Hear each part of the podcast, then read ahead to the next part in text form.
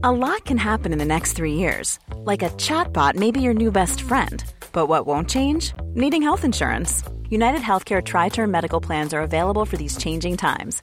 Underwritten by Golden Rule Insurance Company, they offer budget friendly, flexible coverage for people who are in between jobs or missed open enrollment. The plans last nearly three years in some states, with access to a nationwide network of doctors and hospitals. So, for whatever tomorrow brings, United Healthcare Tri Term Medical Plans may be for you. Learn more at uh1.com. Okay, what's the number one reason you should try Instacart? Shopping over 1.5 million unique products from over 1,000 retailers and get everything delivered right to your door in as fast as one hour, all in one app. So you can spend more time with the ones who matter most. Visit instacart.com to get free delivery on your first three orders. Offer valid for a limited time $10 minimum per order. Additional terms apply. Tony Media. Naast mij in het vliegtuig naar Yerevan, de hoofdstad van Armenië, zat een oude man. In zijn handen hield hij een of ander document. Vanaf het moment dat hij ging zitten tot het moment dat hij weer opstond uit zijn stoel, 2,5 uur later in Yerevan, hield die man zijn ogen niet van zijn papiertje af. Veel stond er niet op het papiertje. Voor zover ik kon spieken was het een tijdelijke verblijfsvergunning voor Rusland. Een rare man, dacht ik toen. Vier maanden later begreep ik die man. Die dag ontving ik eindelijk mijn lange termijn visum voor Rusland. Precies vijf maanden nadat ik met mijn aanvraag begon. Welkom bij Rusland voor Gevorderden. In deze podcast neem ik jullie mee door Rusland en andere landen uit de voormalige Sovjet-Unie. In samenwerking met Dagblad Trouw probeer ik verdieping te geven aan het gebied. Maar met een flinke dosis humor en absurdisme. En af en toe vies eten.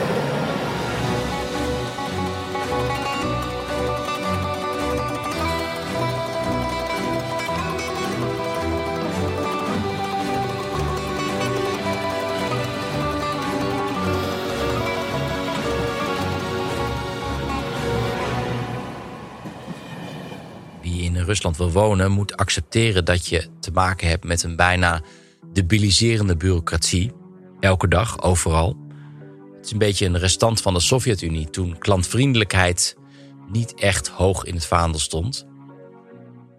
Voor een taakje, maakt niet uit hoe simpel, moet je altijd gewoon een halve dag uittrekken. Neem bijvoorbeeld het kopen van een postzegel.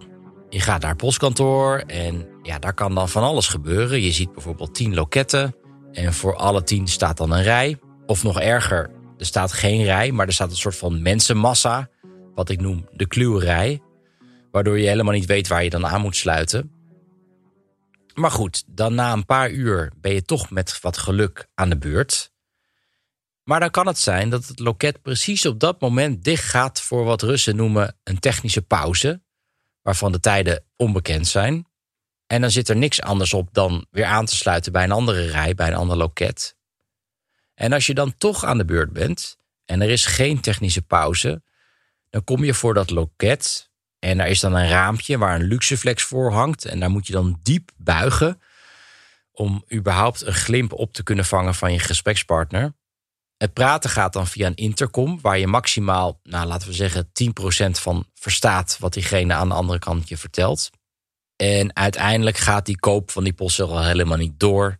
Want ze blijken aan de andere kant van het loket helemaal geen wisselgeld te hebben. Nou ja, dit soort dingen gaat de hele dag door. En je wordt echt gedwongen je niet meer te gedragen als een Nederlander. Want dan word je gewoon gek.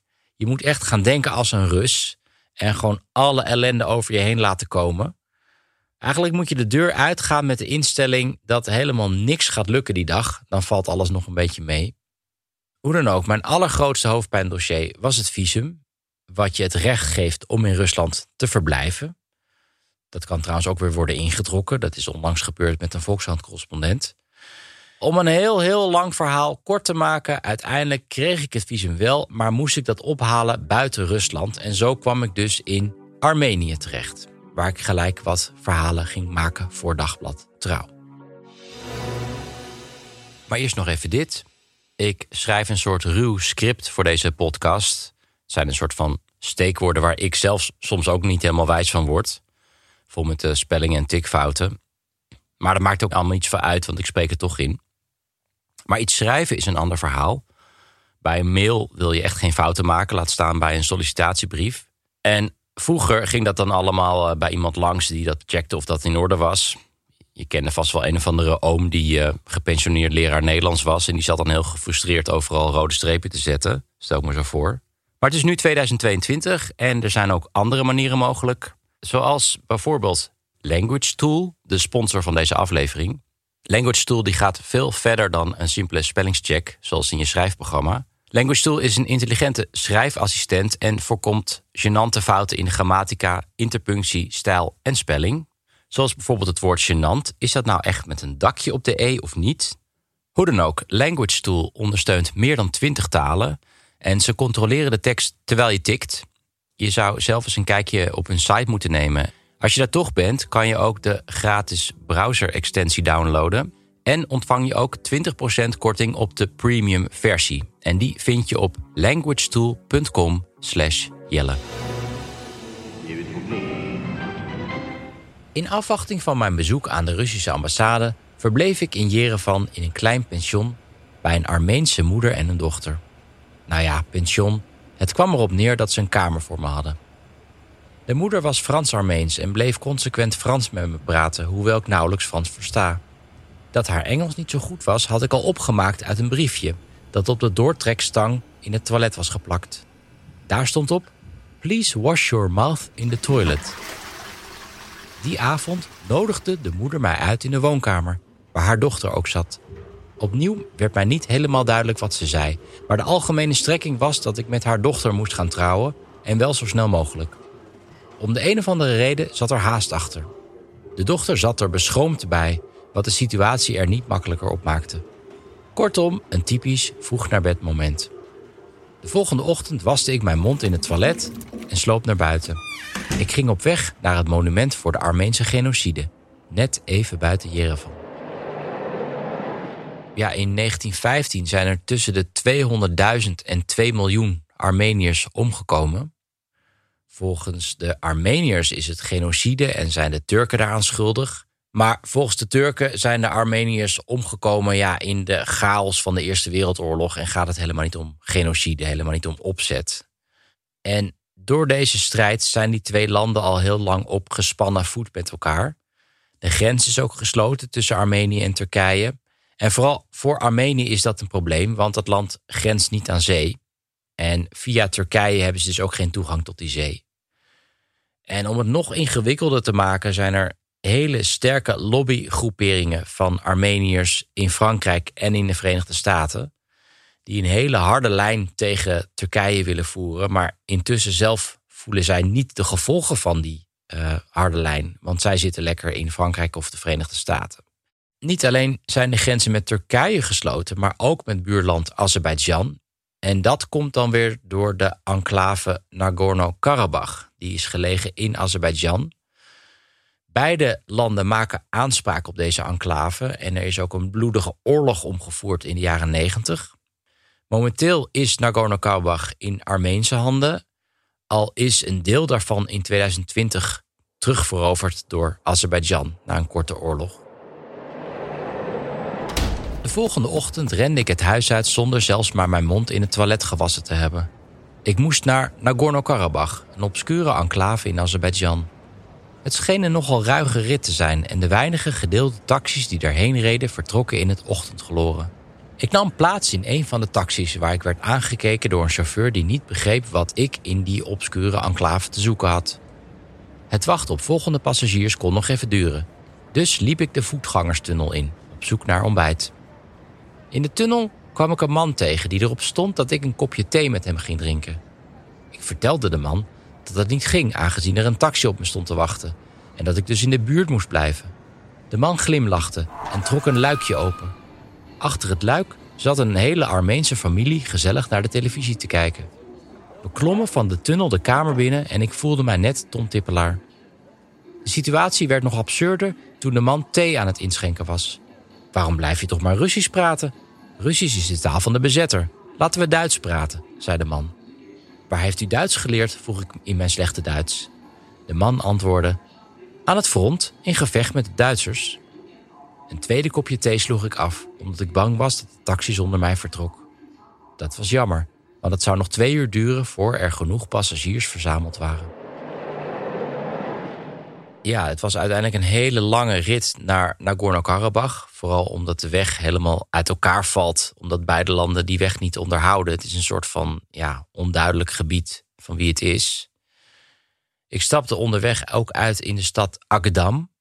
In de bufferzone tussen die twee landen. Ooit woonden hier in Agdam 100.000 Azeris. Inwoners van Azerbeidzjan dus.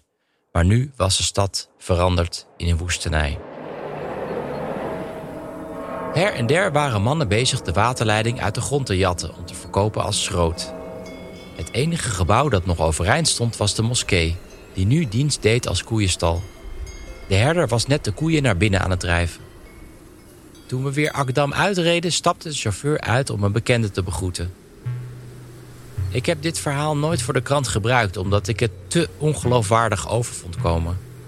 De vriend van de chauffeur was een eenbenige boer die hier een knoflookveldje had. De boer had zijn rechterbeen verloren door een landmijn in de oorlog. Zijn tweelingbroer was in de oorlog ook op een mijn gestapt en had ook zijn been verloren, in dit geval het linkerbeen. Samen verbouwden zij de knoflook. De andere broer was op dat moment water aan het halen. Dat was jammer, want ook ik had het verhaal pas geloofd als ik ook de tweelingbroer had gezien. Zowel Armenië als Azerbeidzjan die willen heel graag dat Rusland bemiddelt in het conflict. En dat doet Rusland ook wel, maar zonder weinig resultaat. En uiteindelijk heeft Rusland ook helemaal geen belang bij een oplossing. Want Rusland gedijt juist bij destabilisering. Of nog beter, zogenaamde frozen conflicts, waarvan ja, het uh, conflict in Nagorno-Karabakh er ook eentje is. Het zijn eigenlijk conflicten die voortdurend voort blijven etteren. Zoals ook trouwens in Oekraïne sinds 2014. Ik zag dat eerder ook al in de strijd tussen Kirgizië en Tajikistan. Het liefst ziet het Kremlin dat die landen van de voormalige Sovjet-Unie afhankelijk zijn van Rusland. Dat is helemaal gelukt in het geval van Armenië. Met de grenzen naar twee buurlanden gesloten is het helemaal afhankelijk van wat zij dan noemen hun grote broer Rusland. Bij andere landen die experimenteren met democratie doet Rusland er alles aan om die democratie te laten mislukken. Zoals bijvoorbeeld in Kirgizië, waar ik het eerder over had. Maar ook in Georgië, waar nu een Ruslandgezinde regering zit. Of Oekraïne natuurlijk. Het gaat ze niet zozeer om het bezetten van al deze gebieden. Want het kost handenvol geld om allemaal te onderhouden. Het volstaat om deze landen te destabiliseren. Om te laten zien dat een democratie daar niet mogelijk is. En dat een land daar bestuurd moet worden door een sterke leider, net als Poetin. Een succesvolle democratie in de regio is volgens mij echt de grootste bedreiging voor Poetin. En in Oekraïne leek het die kant op te gaan de laatste jaren. En daarom moest Poetin ingrijpen, vond hij althans. Enigszins gedeprimeerd reed ik s'avonds in een gedeelde taxi terug naar Jerevan. Ik raakte in gesprek met een gezellige moederkloek die helaas wel het grootste deel van de achterbank innam. Een moederkloek, eindelijk even geen oorlogsretoriek, dacht ik. Ze bleek echter in het leger te werken als ballistisch deskundige. Kort gezegd zorg ik ervoor dat de mortiergranaten de plaats van bestemming bereiken, vertelde ze. Tot aan de oorlog had ze nooit problemen met Azeris. En ook nu had zij geen haatgevoelens. Ik heb twee zoons, vertelde ze. De een heeft zijn twee jaar dienstplicht al gedaan, de ander moet nog. Ik denk dat elke moeder vreest voor het leven van haar zoon. En om die reden wil geen enkele moeder oorlog. Het zal niet anders zijn voor Azerische moeders. Even later vertelde ze evenwel dat zij haar zoon, toen hij twee jaar werd, een pistool in zijn handen drukte. Voor het gevoel. En dat heeft zijn vruchten afgeworpen. Vol trots vertelde ze dat hij vorige week op de testbaan 13 van de 15 keer raakschoot. Begrijp me niet verkeerd. Ik wil echt dat er vrede komt. Maar we moeten klaar zijn voor een nieuwe oorlog, vertelde ze. En zo lijkt er dan ook ja, geen eind te komen aan die cyclus van geweld. Eerder deze zomer filmde ik in Kirgizië. Ik sprak daar een vrouw wiens man was omgekomen bij een conflict met Tajiken vorig voorjaar. En toen we buiten stonden te filmen, speelden daar kinderen en die hadden allebei een pistool vast. Ja, een speelgoedpistool, maar goed. De een speelde Tajik en de andere weer een Kirgiz. En ik werd daar een beetje verdrietig van, want op deze manier komt er natuurlijk nooit een einde aan geweld. Lichtelijk gedeprimeerd verliet ik Armenië en ik belandde uiteindelijk in een vlucht naar Moskou in een oud Ilyushin vliegtuig. Echt nog uit de Sovjet-tijd. Ik hoopte dat hij niet eh, neer ging storten. En dit vliegtuig werd vooral gebruikt door Armeense mannen die gaan werken in Moskou, aangezien er weinig alternatieven zijn. Bij het inchecken was het een totale chaos. We stonden urenlang in de rij, een soort van Schiphol avant la lettre. En helemaal bezweet gingen we aan boord van het vliegtuig. De lucht in het vliegtuig was niet te harde. Niemand was erg fris, inclusief ikzelf, aangezien er maar vier uur per dag water was in Jerevan en mensen nog wel van verder kwamen. Bij het ontbijt werd de lucht met te veel. Het hielp niet dat mijn buurman een liter fles wodka tevoorschijn haalde. Het was dus half acht ochtends. En mij een dikke knipoog gaf. Hij was teleurgesteld dat ik niet mee wilde doen, maar sloeg alsnog enthousiast wodkaatjes achterover. Misselijk ging ik in het vliegtuig op zoek naar het toilet. Daar stond een man of tien te wachten. Ik kon wel raden waarom. Een klein beetje rook kwam onder de deurtjes vandaan. Iemand zat daar dus stiekem een sigaret te roken. Toen gebeurde er iets grappigs. Een van de mannen kon niet langer wachten en stak een sigaret op. Zo, hup, in het gangpad. Ja, zag je anderen denken. Als hij rookt, dan ik ook. In no time stonden tien mannen giechelend een sigaret te roken. Ik had nog nooit een vliegtuigcabine gezien die blauw stond.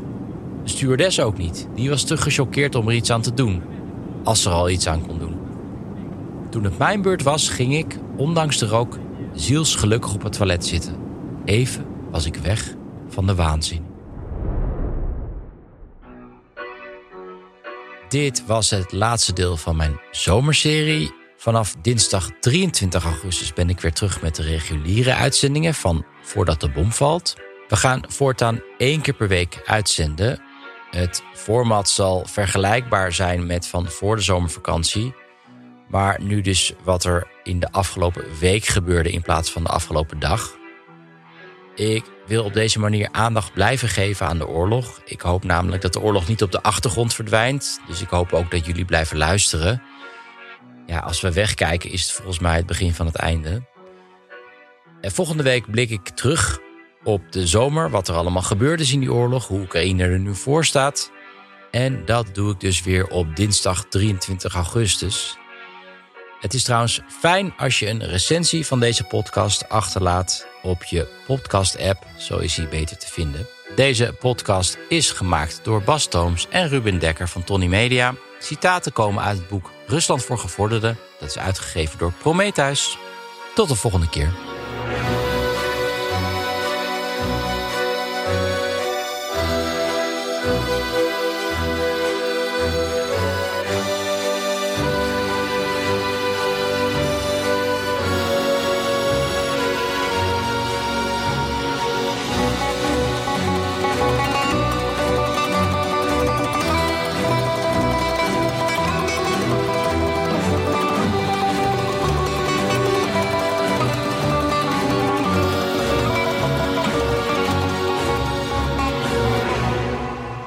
Dit was een productie van Tony Media en Dagblad Trouw. Voor meer verdieping ga naar trouw.nl. Botox Cosmetic, out of botulinum toxin A, FDA approved for over 20 years. So, talk to your specialist to see if Botox Cosmetic is right for you. For full prescribing information, including boxed warning, visit BotoxCosmetic.com or call 877-351-0300. Remember to ask for Botox Cosmetic by name. To see for yourself and learn more, visit BotoxCosmetic.com. That's BotoxCosmetic.com.